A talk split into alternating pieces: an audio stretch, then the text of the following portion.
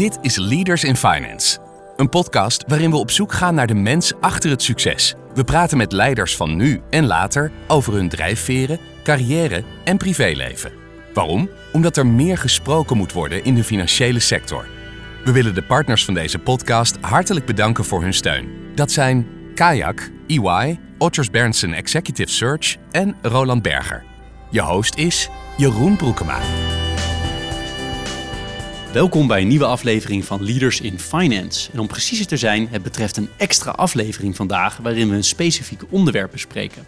Vandaag bespreken we de uitspraak van het College van Beroep voor het bedrijfsleven in zaken de casus Bunk versus de Nederlandse Bank van 18 oktober 2022. Rondom deze zaak is heel veel media-aandacht geweest, waardoor de meeste luisteraars, denk ik, wel iets hebben meegekregen van deze zaak. Maar ik wil er vandaag veel meer over leren. Ik ben ontzettend benieuwd naar heel veel dingen rondom deze zaak. Ik zal je een paar dingen noemen. Wat behelst deze zaak nu eigenlijk precies? Wat is er precies besloten? Wat zijn de consequenties voor de sector? Wat kunnen we op juridisch gebied nog verwachten de komende tijd?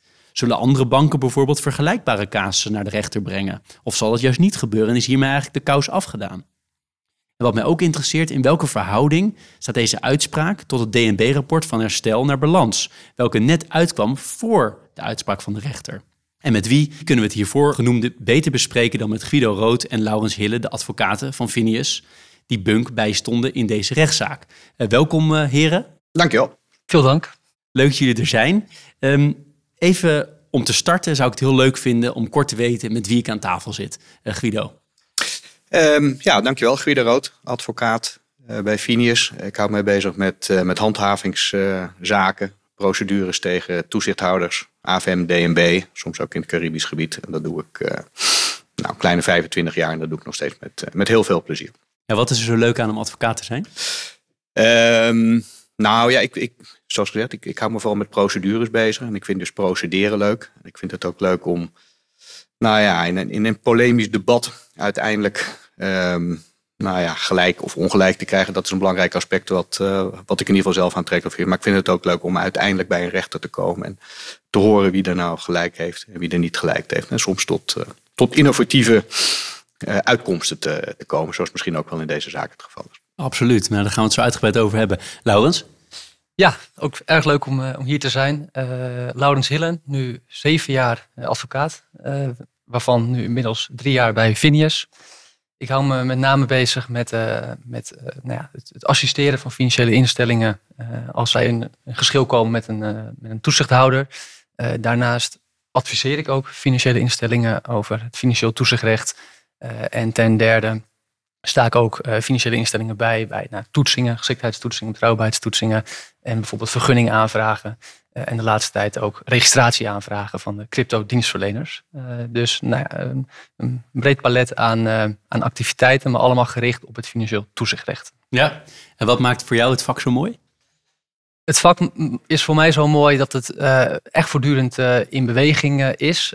en dat er nou ja, elke dag wel iets gebeurt. de, de regulering die met name vanuit Europa komt, die ja, die, die blijft maar komen. Dat is eigenlijk niet minder geworden de, de laatste jaren. Uh, en dat, ja, dat dwingt je ook om, om heel scherp te blijven, om het allemaal goed uh, bij te houden. Uh, het is ook erg technisch vakgebied. Het is echt wel een, een niche. Um, en binnen de niche financieel recht ontstaan er weer nieuwe niches. dus nou, ontzettend leuk om daar onderdeel van uit te maken. Leuk. Nou, twee enthousiaste advocaten, dat is geen slechte start. Voordat we de inhoud van de zaak ingaan, wanneer is deze zaak nou eigenlijk begonnen? Nou, deze zaak zelf is begonnen in, in 2019. De, de, de inzet van deze procedure is een aanwijzing geweest van de Nederlandse bank. Dat is eigenlijk een relatief uh, lichte reparatoren maatregel. Uh, maar die is opgelegd in 2019. Het is goed te benadrukken dat het gaat over feiten die nog van dateren uh, nou, van voor die aanwijzing. en zoals het dan gaat in dit soort procedures, ehm, het is een bestuursrechtelijke procedure. Dat zijn vrij stroperige, langdurige procedures, wordt daar bezwaar tegen gemaakt. Wordt er beroep ingesteld. Nou, dat is dus ook allemaal gebeurd. Uh, dat is tot die tijd eigenlijk geheim gebleven. dat is ook een, een, een, moeilijke kwestie in dit soort procedures altijd, omdat nou ja, dat ook vaak de inzet van de procedure is. nou, dat heeft er in dit geval ook toe geleid dat de uitspraak van de rechtbank, rechtbank Rotterdam in dit geval, niet openbaar gemaakt is.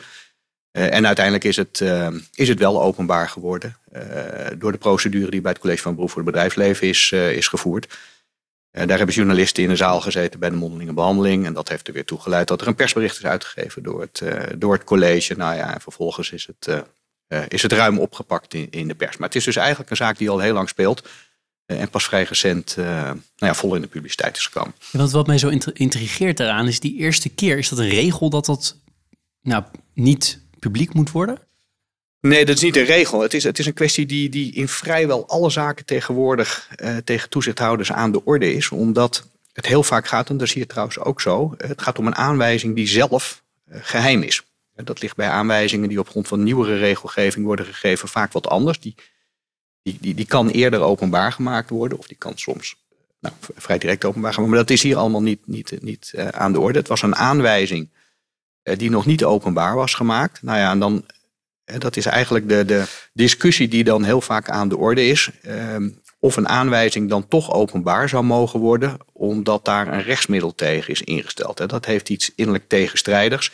Nou, dat zijn discussies die iedere keer weer worden gevoerd met, eh, met de rechtbank. In dit geval heeft het ertoe geleid dat die uitspraak dus niet openbaar is geworden. Uh, nou, bij het college van beroep voor bedrijfsleven is het anders gegaan.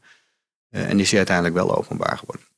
Het is een moeilijke, een moeilijke kwestie in eigenlijk alle beroepsprocedures tegen, tegen toezichthouders.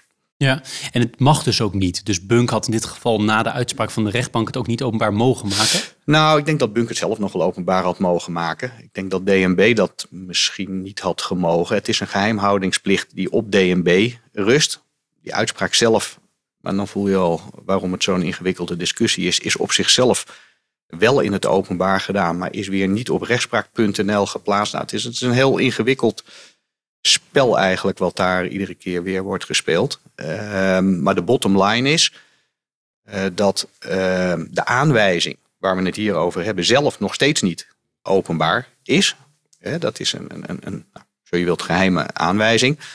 Eh, maar je kunt door middel van de uitspraak, die inmiddels wel openbaar is, kun je natuurlijk toch van alles lezen en weten over wat er in die aanwijzing heeft, uh, heeft gestaan. Maar het is, het is iedere keer een, een, een complicatie uh, in procedures tegen toezichthouders. Of je door middel van het instellen van het rechtsmiddel, nou ja, niet eigenlijk in je eigen zwaard valt. Hè, doordat, zelfs als je gelijk krijgt in die procedures, nou ja, dat er dan langs die weg toch precies openbaar wordt. Wat je nou eigenlijk juist niet openbaar wilt, wilt hebben. Dat is een moeilijke, moeilijke discussie. Ja, fine line, kan me, kan me voorstellen.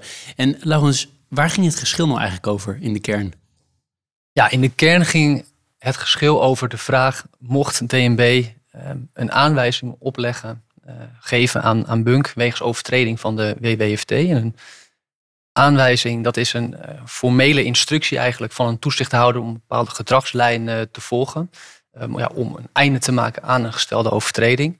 Uh, en in het geval van Bunk uh, ja, was de eh, aanwijzing eigenlijk drieledig. Bunk moest de procedures in lijn brengen met, met de WWFT, het transactiemonitoringsproces op een andere wijze inrichten.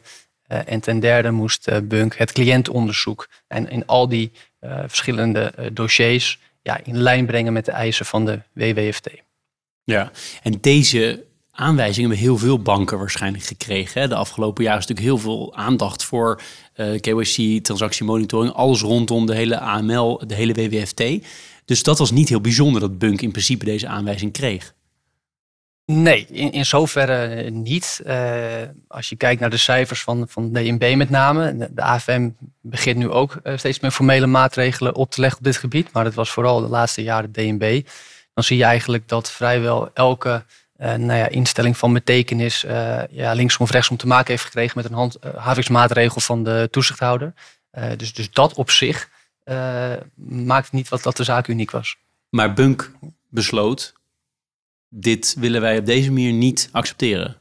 Nee, dat klopt. en ik denk dat kern daarvan was dat Bunk echt vond dat de, de manier waarop DNB het voor zich zag, zoals dus de drie punten die ik net noemde, uh, Bunk haar processen moest aanpassen, ja, dat dat een stap achteruit zou zijn in plaats van een stap vooruit. Um, en dat Bunk goed had nagedacht over hoe zij nou ja, haar uh, onboarding van klanten en vervolgens de doorlopende controle van haar klanten, dat dat ingericht, dat dat een, zowel effectieve nou, als een efficiënte manier was om uh, nou ja, risico's die gepaard gaan um, met nou ja, bankaire dienstverlening zoveel mogelijk te mitigeren.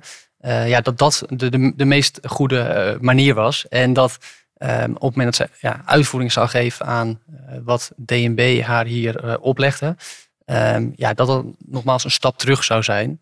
Um, en nou ja, omdat dat zo'n principiële kwestie was voor, voor Bunk, wilden ze daarover een, een, oordeel, een onafhankelijk oordeel van, van de rechter. Ja, en ik denk dat het wel goed is om erbij te benadrukken, want dat, dat, dat beeld dat zou kunnen ontstaan, of dat is geloof ik ook wel eens ontstaan. Maar het is, het is zeker niet een, een doel op zich geweest om te procederen tegen, tegen de toezichthouder. Daar zal geen enkele uh, onder toezicht staande instelling uh, zal dat als, als, als doel hebben. En dat was bij Bunk zeker ook niet het geval. Het ging ze er echt om. Hè, dat ze denken om, uh, om het op een, uh, een innovatievere, maar vooral ook op een, op een effectievere manier te doen, die antiwitwasbestrijding. En dat dat in dit geval moest door die aanwijzing aan te vechten. Dat, nou ja, dat is omdat er eenmaal een aanwijzing lag. Waarbij denk ik ook nog wel goed is om op te merken, kijk, dit soort procedures komen op zichzelf genomen best wel vaker voor. En dat kan ook, omdat zo'n aanwijzing, het is een beetje een technische opmerking, maar het is wel heel erg relevant. Een, een, het, is, het is een besluit in de zin van de Algemene Wet Bestuursrecht, waardoor je er ook bezwaar en beroep tegen kunt instellen. En uiteindelijk dus een opvatting kunt vragen van de rechter, zoals die hier ook is gebeurd. Uh, terwijl ook in heel veel andere gevallen, AFM en DNB doen dat eigenlijk allebei. Die maken ook gebruik van informele handhavingsmethoden, informele aanwijzingen, heeft ook allerlei andere betitelingen. Uh, waarbij eigenlijk hetzelfde wordt gevraagd van onder toezichtstaande instellingen als in zo'n geval als, als dit. Behalve dan dat het niet in een besluit wordt vastgelegd, hè, maar in een brief of hoe je dat verder ook wil noemen. En het grote probleem daarvan is eigenlijk uh, dat je er geen bezwaar en beroep tegen kunt, kunt instellen. En dat, dat, nou ja, dat speelt een beetje in op wat op zichzelf wel logisch is. Het vertrouwen van de toezichthouder dat een onder toezichtstaande instelling toch wel doet wat de toezichthouder verlangt. En dat heeft natuurlijk het groot voordeel voor een toezichthouder dat als je dat op die manier doet, dan kun je er ook geen bezwaar en beroep tegen instellen. En kun je dus uiteindelijk instellingen wel ertoe bewegen om te doen wat je wilt, zonder dat je het risico loopt, nou, zoals een geval als dit, eh, aan de rechter wordt gevraagd eh, of het nou wel eh, helemaal volgens de regelen der kunst is, is gegaan. Dus het is een belangrijk onderscheid tussen die informele en, eh, en formele handhavingsmaatregelen. Het lijkt me ook een belangrijk onderscheid, omdat je beide dus kan inzetten als toezichthouder. En je misschien, als je dit, dit soort rechtszaken vaker krijgt, je dan denkt, nou ja, of je wel twee keer bedenkt of je deze vorm kiest. Eh, ja, dit, dit, is een, een, een, heel veel breder debat. Tussen uh, nou ja, waar iedere keer de afweging is, doe je het nou op een informele manier of op een formele manier als toezichthouder? De voordelen voor een toezichthouder zijn evident. Het kost veel minder handhavingscapaciteit. Je afbreukrisico is veel minder, omdat je dus niet het risico loopt dat een rechter ergens een streep door, uh, doorzet. Uh, en er zit ook nog wel een ander nadeel aan, vind ik. Dat uh, toezichthouders zullen dat niet direct onderschrijven, maar ik denk eigenlijk wel dat het zo is. Het, het nodigt ook uit om buitenwettelijk toezicht te houden. Op het moment dat je eigenlijk iets wilt, en dat kan best heel verstandig zijn vanuit de toezichthouder geredeneerd. Maar als een toezichthouder weet uh, dat, dat, uh, nou ja, dat dat niet steunt op de wet, hoe verstandig het ook kan zijn uh, vanuit het perspectief van de toezichthouder. Ja, dan zou je in de verleiding kunnen komen als toezichthouder om dan dat informele instrument in te zetten. Omdat je dus niet het risico loopt dat een rechter later zal zeggen dat kent geen wettelijke basis dus het is een ingewikkeld, uh, ingewikkelde afweging waar voor allebei de kanten veel te zeggen is. Uh, maar wat je zeker weet is dat dat dus een informele maatregel is. Uh, ja, dan zul je het uiteindelijk niet, nou in ieder geval niet aan de bestuursrechten kunnen, kunnen voorleggen. Helder. En je hebt zelf veel ervaring inderdaad. Je haalt het net al even aan met procederen ehm, tegen toezichthouders. Toen deze casus op jullie bord kwam, ehm, dacht je toen, dit kan wel heel kansrijk zijn? Of dacht je, nou, dat zal wel eens heel moeilijk kunnen worden? Nou, Nee, ja, kijk, als, als, het, als het echt heel erg moeilijk eh, zou worden naar onze inschatting, dan zouden we er denk ik niet aan beginnen. Maar het omgekeerde is, is, is, is, is ook uh, het geval. Kijk, het is gewoon in de algemene zin uh, lastig om tegen toezichthouders te procederen als je het hebt over uh, hoe, hoe, hoe, kansrijk is dat nou eigenlijk. Hè? Bedoel, en dat is maar goed ook eigenlijk als je er dwars doorheen kijkt. De toezichthouders meer gelijk krijgen dan ongelijk. En als dat niet zo zou zijn, dan hebben we andere zorgen. Uh, maar in zo'n zaak als deze, uh, waar het echt gaat over. Uh, nou ja, als je, het, als je het heel kort samenvat, is nou de manier zoals DNB het per se wil? Is dat nou de enige toegelaten manier? Ik denk dat wij daarvan meet af aan en de klant uh, zelf zeker ook. van hebben gedacht, ja, dat is gewoon niet zoals het, zoals het wettelijk geregeld is. En het is maar goed ook dat het niet zo wettelijk geregeld is, want het, het, het staat innovatie en het staat vooral een, een effectieve manier van witwassen in, in de weg. dus in die zin, maar dat hebben we in een heleboel andere zaken ook, want dat is zeker niet de enige zaak die, die loopt. Maar dus als het echt gaat over, moet het nou per se op de manier zoals DNB dat graag wil, hebben we denk ik van meet af aan wel ingezien dat daar kans van slagen is. Ehm, nou ja, dat, is, dat maakt deze zaak niet uniek, maar dat was wel iets wat, wat, wat juist in deze zaak aan de orde was. En toch had het twee rechtsgangen dus nodig. Het moest eerst naar, ik weet niet of dat goed juridisch taalgebruik is, waarschijnlijk niet. Maar jullie begrijpen wat ik bedoel. Het ging eerst naar de rechtbank en pas bij het college uh, werd het gelijk behaald. Ja, klopt. Nee, dat is ook zo. Ik moet er trouwens wel bij zeggen, dat, ook dat is een beetje een formele opmerking. Maar het zijn eigenlijk twee zaken die hier aan de orde waren. Het is het, is, het, is het, het, hoge beroep geweest van, van Bunk tegen de uitspraak van de rechtbank van, in, in Rotterdam. Maar het is ook het hoge beroep geweest van de Nederlandse bank tegen die uitspraak. Dus als je dat heel kort zou willen samen eh, eh, vatten. als het gaat over de vraag of die WWFT in dit geval nou was overtreden. Nou, daar heeft de rechtbank eh, Rotterdam Bunk in eerste aanleg ongelijk gegeven.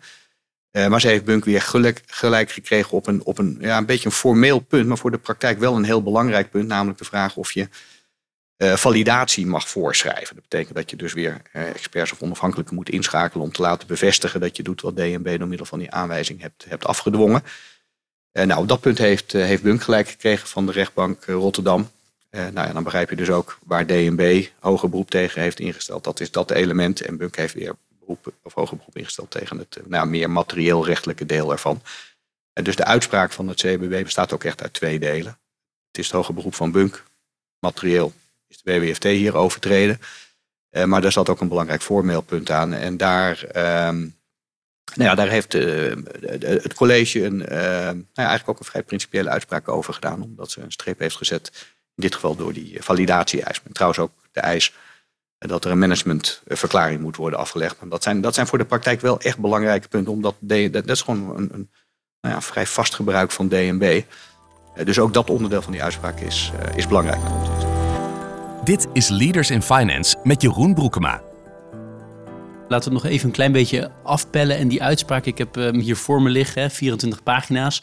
Eh, ik heb me er door, enigszins doorheen gewerkt. Laurens, kan jij ons nog even meenemen eh, in zo simpel mogelijke bewoordingen? Wat is nou echt besloten in die uitspraak? Ja, natuurlijk. Uh, maar misschien daaraan voorafgaand goed om nou ja, te noemen dat er in de kern genomen, er waren heel veel punten ter discussie, maar in de kern genomen dat het er zeven punten waren waarvan uh, vijf materieel, zoals Guido net ook al eh, aangaf, en, en twee formeel. Misschien dat ik zo kort even kan, uh, kan langslopen. Ja, interessant. Het eerste punt was of Bunk voor elk van haar klanten op de juiste wijze doel en aard van de zakelijke relatie vaststelde. met zakelijke relatie dat is een begrip uit de, de WWFT, maar dat doelt op zowel de particuliere klant als de zakelijke klant van Bunk. Het tweede punt was of Bunk ehm, adequate transactiemonitoring toepaste op haar klanten derde en vierde punt zag op uh, het onderzoek naar de bron van de middelen, wat uh, in voorkomende gevallen moet worden uitgevoerd. Het vijfde punt was of Bunk wel over adequaat WWFT-beleid uh, beschikt. En het zesde en zevende punt, ja, dat waren dus twee wat meer formele punten. namelijk mocht DNB Bunk verplichten om opvolging van de aanwijzing te laten valideren. En mocht DNB Bunk eh, althans het bestuur van Bunk verplichten om te verklaren dat volledig aan de aanwijzing en dus aan de WWFT wordt voldaan. En de slotsom, heel kort gezegd, is dat eh, Bunk op vijf van deze zeven punten door het CWB in het gelijk is gesteld eh, en op twee niet. met betrekking tot die twee bron van de middelenpunten werd de lijn van DNB gevolgd door het CBB. En op alle overige punten werd, nou ja, werden de argumenten van Bunk gevolgd. Helder. En laten we eens even een paar uitpakken. Hè. Op die transactiemonitoring, kan je die nog eens wat verder toelichten wat daar nou echt uitgekomen is? Ja, het punt van transactiemonitoring is op zich interessant, omdat daar een hele discussie, uh, een behoorlijke uitgebreide discussie in het processtuk heeft, heeft plaatsgevonden. Um, maar dat het oordeel van het CBB over transactiemonitoring eigenlijk voortbouwt op het eerste kernpunt. En dat is het doel en aard van de zakelijke relatie vaststellen. Uh, de kern van dat punt was dat eigenlijk DNB zei dat je voor elke individuele klant uh, moet gaan vragen: uh, wat is nou het doel uh, van de rekening die je bij Bunk opent? En hoe ga je nou die, die betaalrekening bij Bunk gebruiken? of kan je daarvoor, dat zij Bunk, een andere, meer innovatieve methode toepassen om, dat, om dat te, vast te stellen. En Bunk had namelijk zo'n innovatieve methode. Die maakte gebruik van peer grouping. Die verdeelde haar particuliere klanten eigenlijk in twee segmenten. In een segment met reguliere klanten, ehm, die nou ja, de rekening op vergelijkbare wijze gebruikten en waar ook een laag risico aan was verbonden in termen van, van witwasterrorisme, van financiering. En een segment met wat um, ja, hogere um, risicoklanten, particuliere risicoklanten. en dat werd dan de non-regular user group uh, genoemd. Dus je had twee segmenten van, uh, van klanten.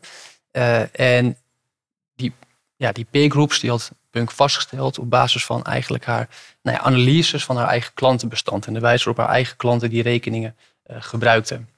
Die data-analyse, die statistiek gebruikten ze om nou ja, ook een standaard ja, profiel, een doel- en aard profiel vast te stellen. En dat regular user profile, dat is best wel een belangrijk onderdeel van die uitspraak, omdat daar heel erg op wordt ingezoomd. En dat de DNB vond dat profiel eh, nou, die had daar allerlei bezwaren tegen. En die vond het ook niet specifiek genoeg, op de klant gericht genoeg.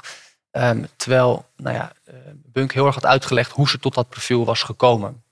En in eerste instantie werden nieuwe klanten die bij Bunk kwamen, nee, die kregen dat standaard profiel toegewezen. Dus er zat een aantal parameters in. Een aantal transacties per maand bijvoorbeeld. Ehm, en het maximale volume wat op de rekening stond, een ander voorbeeld. En vervolgens ging ze na de onboarding doorlopend kijken of een specifieke particuliere klant nog wel binnen dat profiel paste. En op het moment dat dat niet langer het geval was, afhankelijk van de omstandigheden, konden er aanvullende vragen worden gesteld aan de klant. En nou ja, ook weer afhankelijk van de antwoorden daarvan, kon die klant worden overgeheveld van nou ja, het, het uh, reguliere segment naar het uh, non-regular uh, user segment. met nou ja, weer intensievere monitoring tot gevolg. Nou, dat is een heel verhaal, maar daar, ging, daar wordt in de, de uitspraak ook heel veel woorden aan gewijd. En eigenlijk is de slotsom van het CBB dat Bunk hier goed heeft uitgelegd nou, hoe ze dit heeft gedaan, welke stapjes ze heeft gevolgd in dit proces en waarom ze tot deze manier van het onboorden van klanten uh, is gekomen. Uh, en dat DNB daar ja, onvoldoende tegenover heeft gesteld. En dat ja, DNB niet goed duidelijk heeft gemaakt waarom deze manier van het vaststellen van doel en aard van een zakelijke relatie onvoldoende is om aan het uh, nou ja, wettelijke vereisten te voldoen. Ja, want even voor de zekerheid, voor, voor mijn begripsvorming, het gaat echt om de wijze waarop. Hè? Het gaat niet om of het werkt. Nou, wat, eh, wat het CBB ook um, benadrukt is dat de WWFT een, een open normstelling kent. Um, waarbij um, niet de methode van het cliëntonderzoek inderdaad wordt voorgeschreven, maar het resultaat van het cliëntonderzoek. Ja, ja kijk, wat, wat hier wel interessant is aan, aan deze uitspraak en ook de manier waarop die tot stand is gekomen, is dat, dat is niet altijd zo, eh, maar dat de klant hier zelf op de zitting, en zeker bij het College van Beroep voor het Bedrijfsleven, heel goed en heel nou ja, precies heeft uitgelegd hè, hoe haar methoden werken en waarom zij meent dat die hier effectief zijn en, en doelmatig. En daar is ook heel lang over gesproken. Dat is lang niet tijdens alle zittingen zo. En er is ook echt een discussie geweest, aangemoedigd door, door het college, die zich daar ook echt uh, ontvankelijk voor heeft getoond, om te begrijpen waarom Bunk vindt dat ze het uh, effectiever kan doen. En dat inhoudelijke debat is denk ik heel erg goed geweest. Dus echt op de inhoud of het werkt, dus niet alleen het proces. Ja, maar vooral waar, waarom Bunk meent dat ze een methode heeft die, die, nou ja, die, die het anti-witwassen beter aanpakken. Of die het witwassen beter, beter aanpakken. En ik vond dat in ieder geval heel opvallend. Dat het college daar ook echt in geïnteresseerd was om dat, om dat goed te begrijpen. En dat vervolgens ook heeft voorgehouden aan de Nederlandse bank. Je ziet dat in die uitspraak ook wel, wel doorklinken. Of, dat, dat het relevant is geweest wat er nou op de zitting door de cliënt, in dit geval Bunk, zelf is, is, is gezegd. Hè. Dat, is, dat, dat gaat niet altijd zo. Het is ook wel eens zo dat het zich, nou ja, eh, dat het zich beperkt tot allerlei juridische debatten. Uh, vandaar dat dat. Uh, nou, ik vond dat in ieder geval iets wat. wat ja, ik kan me voorstellen, want dat gaat uiteindelijk echt over of wat ik noem of het werkt.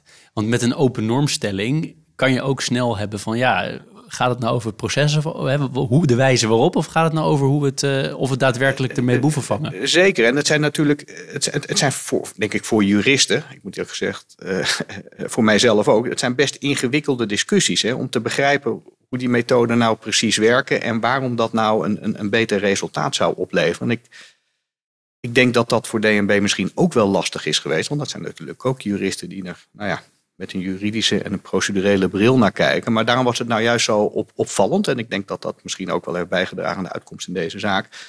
Dat er op de zitting ook, ook, ook echt is gekeken naar, nou ja, maar hoe gaat dat, dat precies? Hè? Hoe wordt nou precies zo'n rekening geopend? En bijvoorbeeld, ik vond dat zelf ook erg interessant eh, om, om, om, nou ja, om beter te begrijpen, je ziet het in die uitspraak ook terugkomen, wat er bijvoorbeeld voor informatie kan worden verkregen over een klant op het moment dat hij die rekening opent, omdat hij een app moet gebruiken.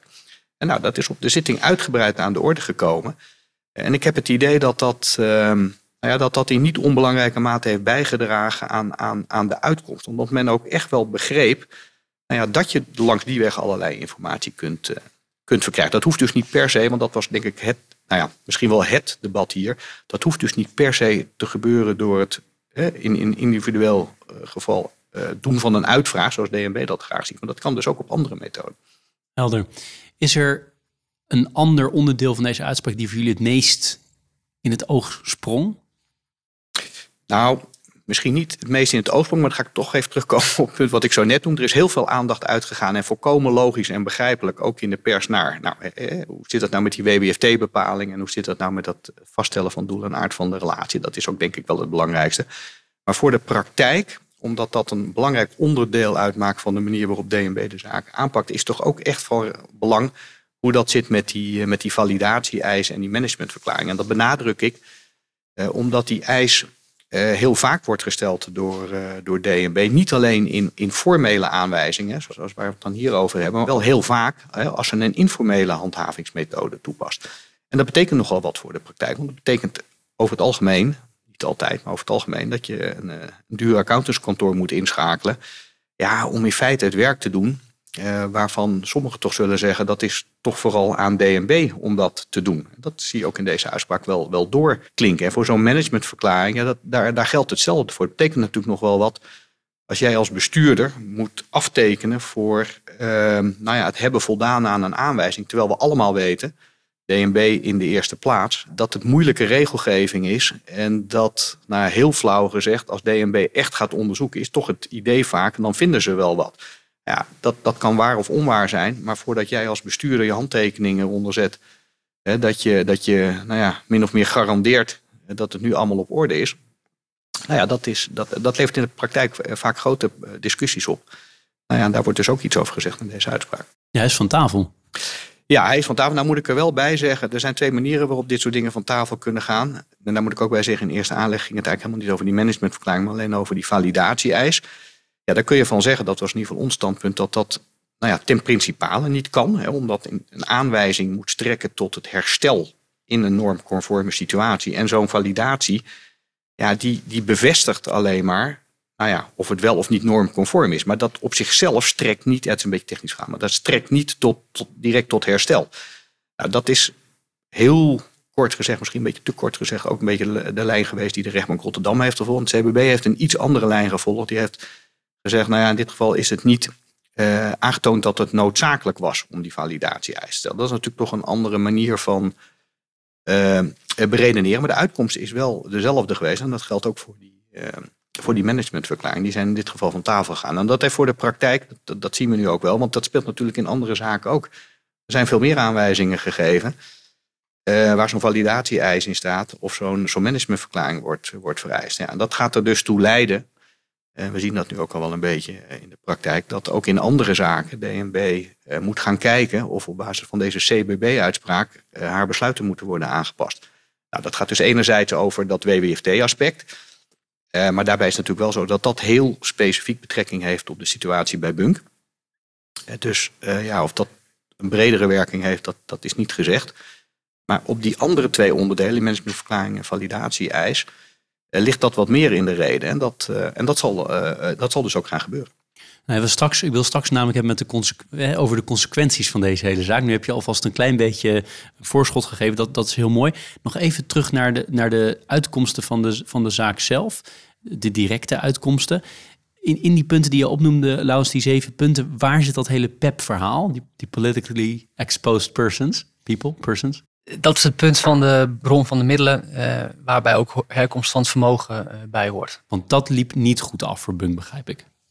Nee, dat ging om, uh, uiteindelijk om twee individuele gevallen. waarin nou ja, het CUB oordeelde dat er ja, meer, meer onderzoek had kunnen worden gedaan. Althans, meer specifieker, dat nou ja, het onderzoek dat was gedaan, dat daaruit, en stukken die daarover waren overgelegd aan, aan de rechtbank en daarna aan het CUB, dat daaruit onvoldoende bleek dat dat onderzoek was gedaan. Ja, want wat ik grappig aan vond, ik weet niet, Guido, of jullie het samen geschreven hebben. In ieder geval, jij, Guido, schreef een, eh, een, leuk eh, korte blog met, met, een interessante titel, vond ik, de Slam Bank. Maar daarin zeg je ook wel geteld, hè? Wel geteld twee. Jij zei het ook al, het waren er maar, maar twee, of mijn woorden. Maar is dat raar dat het er maar zo weinig waren dan? Want het klinkt voor mij ook als heel weinig om daar je een oordeel over te hebben. Dat ja, kunnen er honderden zijn, toch? Ja, nou ja, goed. Dat, dat het er maar twee waren is natuurlijk alleen een interessante constatering als je weet hoeveel zaken er dan onderzocht zijn. Als dat er maar drie zijn, dan is de uitkomst twee heel veel meer betekenend dan wanneer er honderden er zijn onderzocht natuurlijk. Dan weet ik even niet meer precies hoeveel, hoeveel dossiers op dit punt nou precies waren, waren onderzocht. Maar je ziet wel in die uitspraak van. Kijk, wat, nou, ik moet trouwens goed zeggen, want hier speelde namelijk ook nog heel erg de discussie mee. Die eigenlijk die hele procedure heeft geloofd wat nou eigenlijk precies een PEP was. En nou ja, daar waren partijen uiteindelijk wel tot het inzicht gekomen dat dat er veel minder waren dan in het begin. Eh, toen die aanwijzing werd gegeven. En dan is vervolgens de vraag, nou ja, wat wordt er dan in die gevallen uh, verwacht? Nou kort en goed kwam dat er uiteindelijk op neer dat in dit geval door het CBB werd gevonden dat er in twee gevallen inderdaad sprake was van een PEP. En dat dus die, die eisen niet werden nageleefd. Maar ik, ik, ik ben wel met je eens. Uh, kijk, je, daar kun je pas echt consequenties aan verbinden aan dat getal als je weet, nou ja, op, op hoeveel zaken het dan precies betrekking heeft. Waar ik nu, hey, je nam net al een klein beetje een voorschot, uh, Guido, maar waar ik heel erg benieuwd naar ben, is wat zijn nou alle mogelijke consequenties van deze zaak? Hier heeft natuurlijk iedereen meegekeken, alle juristen van alle banken en alle andere onder toezicht staande instellingen van de WWFT hebben natuurlijk hier naar gekeken van wat betekent het voor mij? Kan jij schetsen wat de consequenties zijn in, jouw, uh, in jouw ogen? Ja, maar ik moet er direct bij aantekenen dat het lastig is, omdat die uitspraak Ehm, betrekking heeft op Bunk. Hè, op de manier waarop uh, Bunk ehm, het in dit geval heeft gedaan. Uh, dus daar moet je enorm mee oppassen om daar een bredere werking aan, uh, aan toe te dichten. Maar tegelijkertijd is het wel zo dat de CPB ook zegt. Je moet kijken naar het, als het gaat om dat cliëntenonderzoek, naar het resultaat wat daarmee behaald moet worden. En dat, dat, dat hoeft dus niet per se op de manier te gebeuren zoals DNB dat graag ziet. Nou ja, die, die redenering, hè, de verwijzing naar de open normen. Um, daar kun je denk ik in andere zaken ook wel wat mee. Het hangt er dan wel helemaal vanaf hè, waar die dan in dat specifieke geval betrekking op hebben. Dus in die zin, uh, en dat doen wij natuurlijk zelf ook, want we doen allerlei andere zaken en kijken ook wat de consequenties daarvoor uh, voor zijn. en op die twee punten waar we het zojuist over hadden, die validatie-eis en die managementverklaring, denk ik dat het wat, wat, wat meer in de reden ligt. Hè, dat dat ook directe consequenties zou kunnen hebben voor andere zaken. Maar goed, daar moet ik dan wel tegelijkertijd bij aantekenen dat dat zijn ook belangrijke onderdelen van zo'n aanwijzing. Maar die materieel-rechtelijke kant van de zaak is natuurlijk veel, uh, veel belangrijker. Uh, maar het is, nou ja, kort, kort, kort gezegd, het is niet zo dat je deze zaak één op één kunt toepassen op, op allerlei andere aanwijzingen. Je zult toch steeds moeten kijken hoe die desbetreffende instelling uh, dan bijvoorbeeld het cliëntenonderzoek heeft, heeft ingericht. Maar als je kijkt naar de achterliggende gedachten, en ik heb zelf ook de neiging om te denken, of misschien wil ik dat wel denken, dat, dat het misschien ook wel een reflectie is van wat nou ja, wat er in de maatschappij inmiddels wordt gevonden. Uh, van de manier waarop banken invulling moeten geven aan die anti-witwas-eisen. En, um, hè, en dat, dat dat uiteindelijk ook meeweegt bij de manier waarop het CBB tot haar oordeelsvorming komt. Alhoewel dat heel erg steunt op de wetsgeschiedenis, dat, dat, dat is zo. Uh, maar ik denk dat, nou, laat ik dan zeggen, ik hoop dat het ook zo is dat daar meegewogen is, dat dat inmiddels voorkomen uit de hand begint te lopen. Wat nou eigenlijk precies de inspanningen zijn, hoeveel geld dat kost. Eh, ten opzichte van het resultaat wat er uiteindelijk mee wordt, uh, wordt bereikt. En als, als, als dat inderdaad zo is, nou ja, dan mogen advocaten in andere zaken, uh, denk ik ook wat hoopgevender zijn voor hun cliënt. Want dan zou dat misschien wel eens een lijn kunnen worden in, in de jurisprudentie. Ja, want dat, ik weet niet, Laus, heb je nog dingen aan toe te voegen? Laat ik dat eerst vragen. Nou, ik denk dat uh, iedereen het er wel over eens is dat de WWFT hard nodig is. En dat witwas uh, een, een, groot probleem is, uh, ook in Nederland. Ehm, maar dat het ook met maatschappelijke kosten komt als je die, die wet heel strikt naleeft. En ik noem maar het voorbeeld van, van de-risking. Maar bijvoorbeeld ook dat er heel veel mensen bij banken bezig zijn met mogelijk ook laag risico ehm, ja, dossiers. In plaats van de echte hoog risico dossiers. Ja, dat, het, dat het extra belangrijk is dat voortdurend wordt nagedacht over wat is een effectieve, maar ook een efficiënte witwasbestrijding. Ehm, en daar hoort dus ook bij goed nadenken over innovatie en vernieuwing. Ehm, en wat dat betreft denk ik dat deze uitspraak ook in dat opzicht een, een, steun in de rug is van partijen die nou ja, actief blijven nadenken over hoe ze het effectiever en slimmer kunnen inrichten. Ja, dat snap ik. Het kan ook wat. De, de belangrijkste consequentie is misschien ook wel psychologisch, zo zijn mijn woorden. Namelijk dat je als financiële instelling het gevoel hebt van ik kan ook misschien heel voorzichtig een klein beetje gaan experimenteren. Hè. We komen straks op dat rapport. Maar ik kan een klein beetje gaan experimenteren met andere methodes dan de huidige methode, die even heel kort door de bocht. Hè. Dan doet geen enkel recht aan, aan de nuance. Maar gewoon duizenden mensen erbij zetten om elk dossier te checken. Ja, nee, dat, dat klopt. Ehm, en je ziet ook dat toezichthouders, ja, eh, met name de normen van de WWFT, maar ook de sanctiewet, uh, door middel van guidance helemaal hebben uitgekristalliseerd. En ik denk dat het heel fijn is dat, dat instellingen weten wat de verwachtingen zijn van de toezichthouder. En dat ze in ieder geval weten ehm, wat volgens de toezichthouder een goede manier is om aan die normen invulling te geven. Maar deze uitspraak maakt dus ook duidelijk dat guidance iets anders is dan de wet zelf. En dat de wet zelf ook ruimte laat voor andere methoden, zolang je daar maar goed over nadenkt, uh, dat goed onderbouwt. Ehm, en het bijdraagt aan, aan de effectieve, effectieve toepassing van de wet. Helder. En daar wilde ik het ook wel met je over hebben, hè? die uitlegbaarheid. Je hebt het eerder over, uh, van het was heel goed gedocumenteerd hoe het, hoe het gebeurde. Die uitlegbaarheid, dat is denk ik cruciaal als het gaat om alle inzet van techniek door financiële instellingen. Want als jij bijvoorbeeld bepaalde algoritmes gebruikt, je kan niet meer uitleggen waarom een bepaalde klant wel of niet een lening krijgt, bijvoorbeeld, een heel ander, ander gebied. dat is cruciaal, toch, die uitlegbaarheid? Absoluut. Je moet het nou volgbaar maken voor, voor jezelf, voor je, eigen organisatie, maar, maar zeker ook voor de toezichthouder. Dat is, dat is heel belangrijk. Ook nou ja, om, uh, om discussies met de toezichthouder te voorkomen. Uh, het is ook gewoon een wettelijke eis om uh, nou ja, die, over de juiste procedures en, uh, en de beleidsstukken te beschikken. Um, en nou ja, ook, ook in deze procedure komt duidelijk tot uitdrukking dat als je het goed op papier hebt staan en goed uitlegt, ja, dat je dan al een heel eind bent. Zeker. Maar wring niet juist daar de schoen bij al de inzet van techniek? Hè? Ook nu weer met transactiemonitoring Nederland. En zeker bij transactiemonitoring gaat het om onvoorstelbaar veel data en transacties. Het gaat om miljoenen transacties per dag. Als je het allemaal bij elkaar gooit, kun je er hele interessante dingen uithalen voor het tegengaan uh, van, van witwassen. Omdat je patronen kan zien die misschien alleen machines, algoritmes zien, maar die heel moeilijk uit te leggen zijn aan de toezichthouder. Ja, ik kan dat helemaal volgen. Ik, ik moet eerlijk zeggen, ik heb best vaak begrip voor toezichthouders en, en, en de mensen die daar werken. Dat is zeker op, op, op dit punt het, uh, het geval. Dat, dat is in deze procedure ook wel aan de orde gekomen.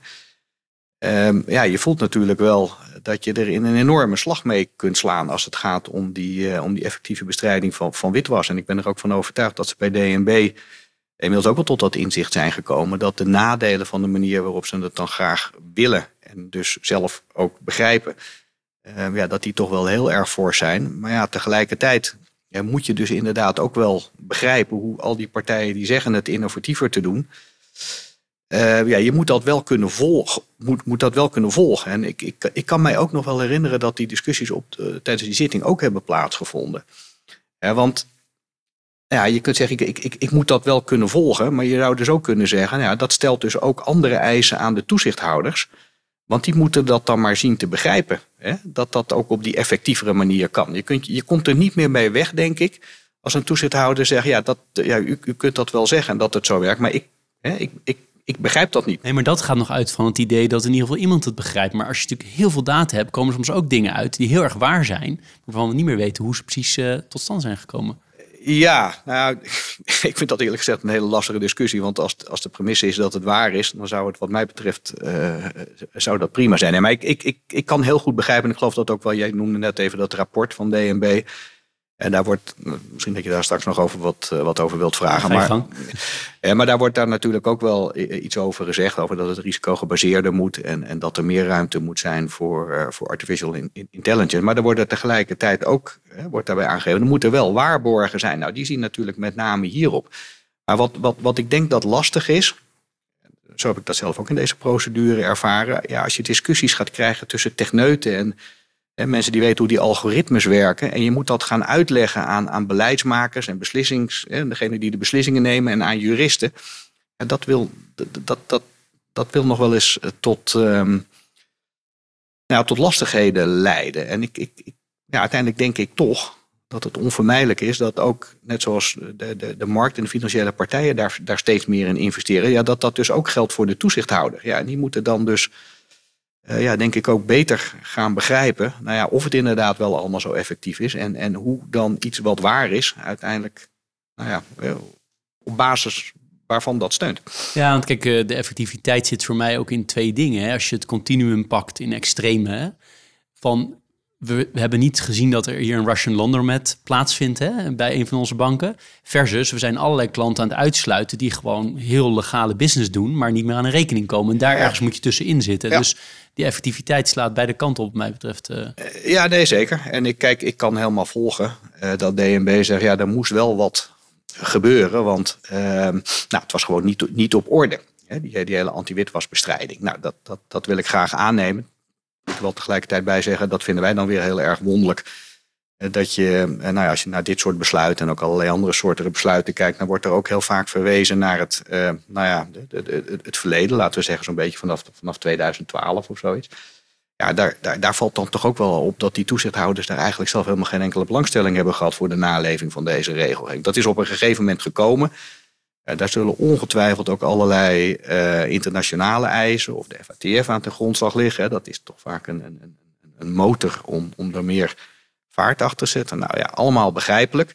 En ik denk dat als het gaat over aanwijzingen of lasten onder dwangsom, nou, dan is dat eigenlijk ook helemaal niet zo problematisch. Hè. Dan, dan is het niet zo relevant of daar de EMB en AFM daar nou zelf heel erg achteraan hebben gezeten in het. Dan moet gewoon zorgen dat het op orde wordt gebracht. Eh, bij boetes vind ik het een heel ander verhaal. Hè, want dan is ook even de vraag of je nou ja, als, als, als onder toezicht staande instelling nou niet in de waan bent gebracht hè, dat het allemaal wel meeviel als daar nou hè, als er door toezichthouders zelfs helemaal geen aandacht aan, aan wordt besteed. Het, het, blijft een, een doorlopend debat waar ergens een evenwicht zal worden gevonden. Het evenwicht dat zal wel gaan opschuiven, daar ben ik van overtuigd. Leaders in Finance met Jeroen Broekema. Je zit dan uh, deze zaak uh, tot in detail voor te bereiden. Dan komt opeens het rapport uit? Of was het helemaal niet opeens? Nou ja, voor mij kwam dat rapport wel opeens. Um, en ik was ook niet meer deze zaak aan het voorbereiden, want daar waren we inmiddels al wel mee klaar. ja, de zaak moest nog, uh, hij moest nog behandeld worden, laat ik het zo zeggen. Uh, nou, ik moet even goed nadenken. Volgens mij was die zaak al lang al behandeld, want het heeft wel even geduurd voordat deze uitspraak kwam. Die, die zitting. Dat is interessant. Uh, ik weet niet of ja. jij dat nog weet, Laurens, maar die was volgens mij. Nou, de zitting was in ieder geval voorafgaand aan het rapport. ja, en zelfs geruime tijd volgens mij. En maar het is, de publicatiedatum was na het uitkomen van het rapport, maar de, de zitting zelf was voor het rapport. Ja, ja zeker. Is dat nou, jullie zijn advocaten, dus als het antwoord is dat weten we niet, is dat ook prima. Maar is dat nou toevallig? Daar ben ik dan zo nieuwsgierig naar. Ja, dat durf ik natuurlijk niet te zeggen. Maar ik weet wel dat wij zelf, toen we dat rapport lazen, daar allerlei dingen in meenden te lezen. Uh, waarvan we dachten, hé, hey, dat is eigenlijk best anders dan wat wij tijdens de zitting hebben gehoord over hoe je deze witwasregelgeving moet uitleggen. En toen we de uitspraak eenmaal kregen, toen hebben we ook misschien wel eens gedacht, goh, zou, zou DNB dat hebben voelen aankomen of zo? Nou, ik denk eerlijk gezegd dat dat niet zo is. Ik denk dat uh, het, het, het, gewoon onvermijdelijk is geworden voor, voor DNB uh, dat er iets moet gaan veranderen, omdat de nadelen uh, van de manier waarop het tot nu toe ging gewoon te groot werden. En nou goed, het, dus, het loopt natuurlijk ook niet helemaal één op één, maar je, je, je, hoort bepaalde dingen in de uitspraak doorklinken die je ook in, het, in dat rapport van DNB hoort doorklinken. Ga je nou veel meer van dit soort zaken krijgen? Verwacht je dat? Nou, we doen al behoorlijk veel, uh, veel zaken op, uh, op dit gebied. Uh, en dat is eigenlijk niet minder geworden de laatste tijd. Dus, ja, maar dit zou wel kunnen enthousiasmeren. Want je denkt misschien toch, nou ja, ik, ik, ik kan er echt iets mee bereiken in mijn persoonlijke casus. Want jij een van jullie benadrukte eerder ook van, dit is wel echt deze casus. Hij heeft wel misschien consequenties breder, maar in principe wordt deze casus behandeld. Nou, wat we in ieder geval zagen was dat de, de sector uh, nou ja, ons wel goed echt wist te vinden. Uh, ik heb uh, na lange tijd niet zoveel presentaties gegeven de afgelopen tijd over dit onderwerp als, als de laatste paar weken. omdat inderdaad heel veel marktpartijen wel willen begrijpen um, nou ja, hoe, hoe dit nou precies zat. Um, en welk voordeel zij hiermee kunnen, kunnen behalen, absoluut. Ja. Nee, en, en wat denk ik ook wel zo is, is dat, kijk, voor, voor grootbanken kennelijk eh, zijn de afwegingen daar in het verleden zo gemaakt dat er, uh, dat er niet of niet zo vaak wordt geprocedeerd tegen toezichthouders. Ik moet er tegelijkertijd bij zeggen, er wordt echt heel veel meer geprocedeerd tegen AFM en DNB dan uh, men zo al denkt. Hè. Maar wat ik zojuist je loopt er niet mee te koop, toch? Je Meestal. loopt er niet mee te kopen en het wordt ook niet altijd openbaar. Eh, en er zit een groot verschil tussen nou ja, aanwijzingen en lasten onder dwangsom. eh, aan, de ene kant en aan de andere kant eh, ja, hoge punitieve sancties. Die, die, punitieve sancties worden vaak zo hoog tegenwoordig. Die boetes zijn zo eh, omvangrijk dat het zelfs voor grote partijen eh, voldoende reden is om daar wel tegen te, procederen. Maar ik denk tegelijkertijd ook wel dat als het gaat om aanwijzingen en lasten, nou ja, dat zo'n uitspraak als deze misschien toch voor partijen aanleiding kan zijn om eens wat vaker aan de orde te stellen of de manier waarop DNB het nou wel de enige manier is die is toegestaan. Eh, en als ik er nog dit aan toe mag voegen, wat, ik zelf altijd wel opmerkelijk heb gevonden, want ik kan helemaal volgen hoor, waarom eh, grootbanken nou ja, de afwegingen maken zoals ze die afmaken en nou niet eh, de toezichthouder al te vaak willen aanvallen of daar willen tegen protesteren. Maar wat mij wel verbaasd heeft, is dat er nu vanuit die hoek, maar bijvoorbeeld ook vanuit eh, de NVB of andere belangenorganisaties van, van banken, steun wordt betuigd aan, ehm, eh, aan Bunk. En dat, eh, nou, dat ze worden gecomplimenteerd met, met het feit dat ze dat dan hebben aangedurfd. Terwijl ik dan tegelijkertijd zou denken, nou ja, waarom is dat dan in het verleden bijvoorbeeld niet vanuit het collectief? Hè, dat een individuele bank of een grootbank dat misschien niet wil, dat begrijp je wel. Dat je, het is toch een beetje het gevoel dat je dan de kastanjes uit het vuur moet halen voor, voor de rest van de sector. Eh, maar je had je ook kunnen voorstellen nou ja, dat er in, op de een of andere manier in, in, collectief verband of door een belangenvereniging, eh, dat die toch wat, wat, ehm, nou ja, zich wat feller hadden verzet tegen de manier waarop DNB het nou, eh, nou eenmaal wilde. En, nou ja, daar zou misschien wel wat beweging in kunnen zitten, waardoor toch meer partijen zeggen, nou laten we toch eens aan een rechter vragen. En zonder daar nou heel scherp over te hoeven procederen, want dat hoeft ook helemaal niet. Je kunt het ook doen te zeggen, nou, we hebben daar gewoon een andere opvatting over. En we willen gewoon graag van de rechter vernemen of de manier waarop wij het doen eh, toelaatbaar is of niet. En daar zou ik eh, me kunnen voorstellen dat daar toch wat meer eh, partijen dat, dat zullen doen in de toekomst. Ja, daar ben ik nieuwsgierig naar. Maar ja, als, als ze dus niet in de openbaarheid komen, is het nog lastig te meten. Maar ik denk voor een, jonge promovendus heel interessant om eens te kijken of het nu ook echt gaat toenemen na dit soort zaken of niet. Want het heeft natuurlijk ook grote nadelen om steeds maar rechtszaken te voeren, denk ik. Kan me zo voorstellen, maar dat is mijn, mijn eh, beeld daarbij. Als dat meer, nou ja, als je dat kunt oplossen daarvoor al met elkaar, is dat denk ik eh, beter in, in de kern. Ja, ik, er zal, eh, er zullen heel weinig onder toezicht staande instellingen zijn die daar, eh, die daar anders over denken. Ehm, maar goed, het- tegelijkertijd, je ziet, eh, laten we zeggen dat in het begin ook al, eh, die, die, die formele eh, aan, eh, maatregelen, zoals aanwijzingen, ja, die, die, die, beginnen wel toe te nemen. En, en, en er is ook steeds meer aanleiding voor partijen om daar toch tegen te procederen. Eh, bijvoorbeeld, eh, dus iets wat hier nu een beetje onderbelicht is gebleven, want het is in de praktijk wel echt een belangrijk gegeven. Zo'n aanwijzing en ook een last en zeker een boete, dat vormen, dat vormen toezichtsantecedenten voor bestuurders. En dat is een heel ander hoofdstuk, dat realiseer ik me wel. Maar dat weegt wel zwaar mee eh, bij de afwegingen. eh, moet er wel of niet bezwaar worden gemaakt eh, tegenwoordig? En ehm, ja, dat zal zeker niet minder worden in de toekomst. Nee, dat kan me, kan me heel erg goed voorstellen. Ik bedoel, er is niet voor niets dat het lastig is, wat ik van headhunters hoor, om op dit moment topposities bij banken te vervullen, omdat je gewoon persoonlijk aangepakt kan worden. Ja, nee, zeker. Dat, dat afbreukrisico, dat, dat, dat wordt eigenlijk steeds groter. Ehm, wat, wat daar enorm dwars zit eigenlijk. Hè, nu gaat het dan over een, een, een, een- formele aanwijzing. Nou, die aanwijzingen die worden gericht aan de vennootschap.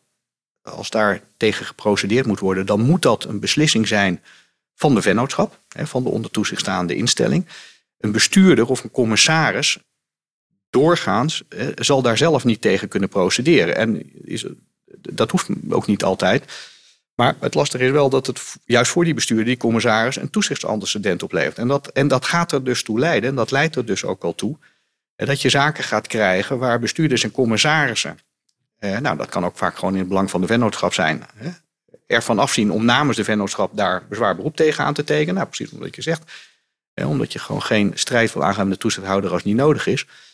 Eh, maar dat die de kous op hun kop krijgen als ze vier of vijf of zes of zeven of acht jaar later van een toezichthouder te horen krijgen. Ja, maar dat waren dus wel allemaal toezichtsantecedenten. Eh, en dat zo eens een beetje bij elkaar opgeteld, dat gaat voor jou betekenen eh, dat je of wordt heengezonden of dat je eh, nou, niet meer bij een, of voor een bepaalde functie niet meer geschikt wordt bevonden. En dan krijg je een heel merkwaardig fenomeen. Want dan, als zo'n bestuurder of commissaris zich daar dan niet bij neer wil leggen, ja, dan ga je alsnog inhoudelijke discussies krijgen. Als hij al een besluit krijgt, dat is nog wel een probleem op zich, maar over nou, hoe zat dat dan eigenlijk zes of zeven of acht jaar geleden in die en die kwestie? Nou ja, en dat is een beetje een ander onderwerp, maar die hele... Uh... het zit er wel dicht tegenaan, want ik neem aan dat jullie ook met veel interesse kijken hoe het straks met Ralf Hamers, met Salm, uh, Joop Wijn en zo gaat aflopen, Vogelzang. Uh, ja, nee zeker. En, en, en, en wij hebben zelf, bedoel, dat is echt een, een, een, een ontzettend belangrijk thema bij onder toezicht staande instellingen, maar met name ook bij bestuurders en commissarissen zelf. Dat raakt er ook een beetje aan wat, daarom zei ik dat ook over die, die gevraagde managementverklaringen. Ja, je voelt natuurlijk wel aankomen dat, dat er het, het, het, ja, het is onaardige zeg, maar het heeft een beetje iets van, van ja, iets chantageachtigs om, om, om mensen nou ja, in persoon of bestuurders in persoon te laten verklaren dat op alle manieren is voldaan aan een aanwijzing. Omdat wat daar natuurlijk ja, de, de, de onuitgesproken eh, mededeling bij is, als dat later toch anders blijkt te zijn, uh, ja, dan kunnen we je dat voorhouden uh, in het kader van een uh, geschiktheidstoetsing of een betrouwbaarheidstoetsing.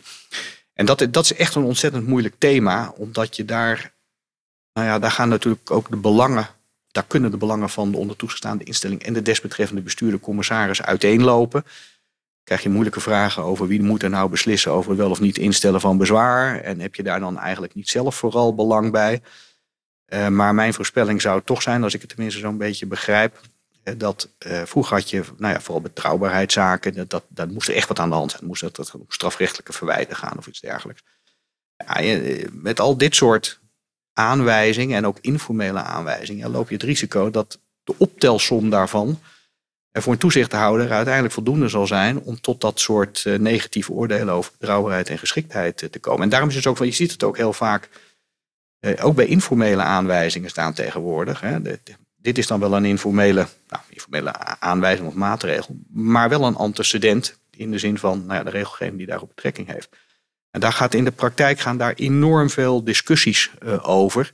Uh, en dat begint eigenlijk al bij de vraag bij zo'n instelling: ja, gaan we hier nou bezwaar of beroep tegen instellen? Uh, dat zijn ontzettend lastige uh, thema's. Ja.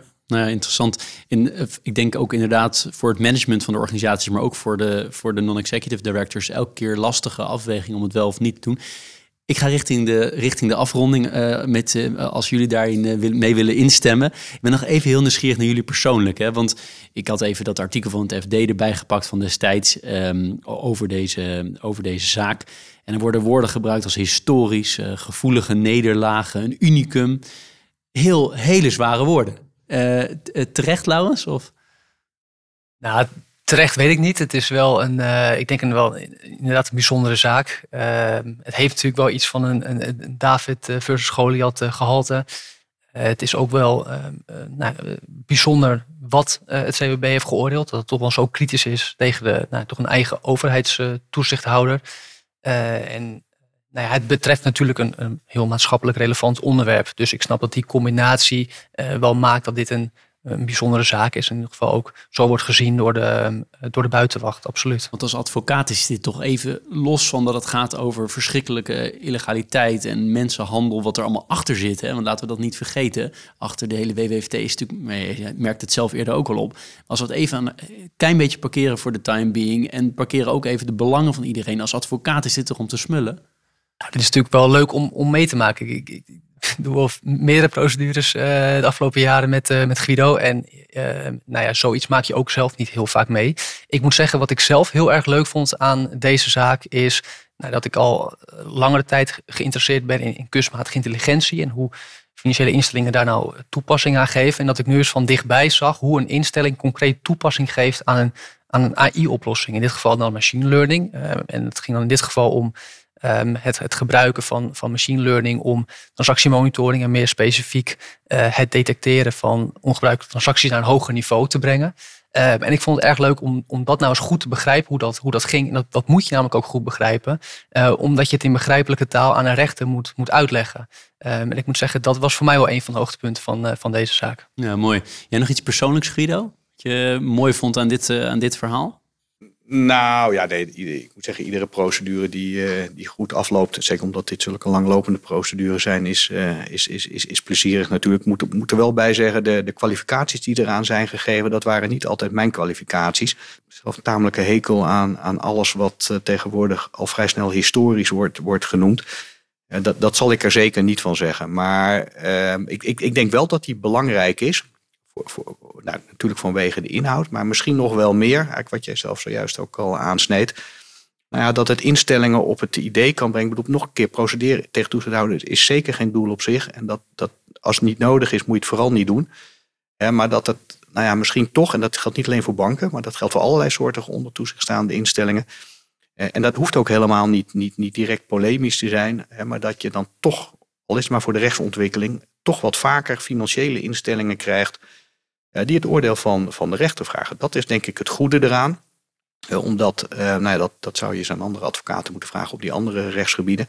Maar banken met name ja, procederen toch wel weinig. Ehm, en dat, nogmaals, dat is vanuit de toezichtsrelatie te begrijpen. Maar de rechtsontwikkeling zou erbij gebaat zijn als dat misschien toch iets vaker zou gebeuren. Kom ik helemaal op het einde van die, ehm, van die beslissing van het college.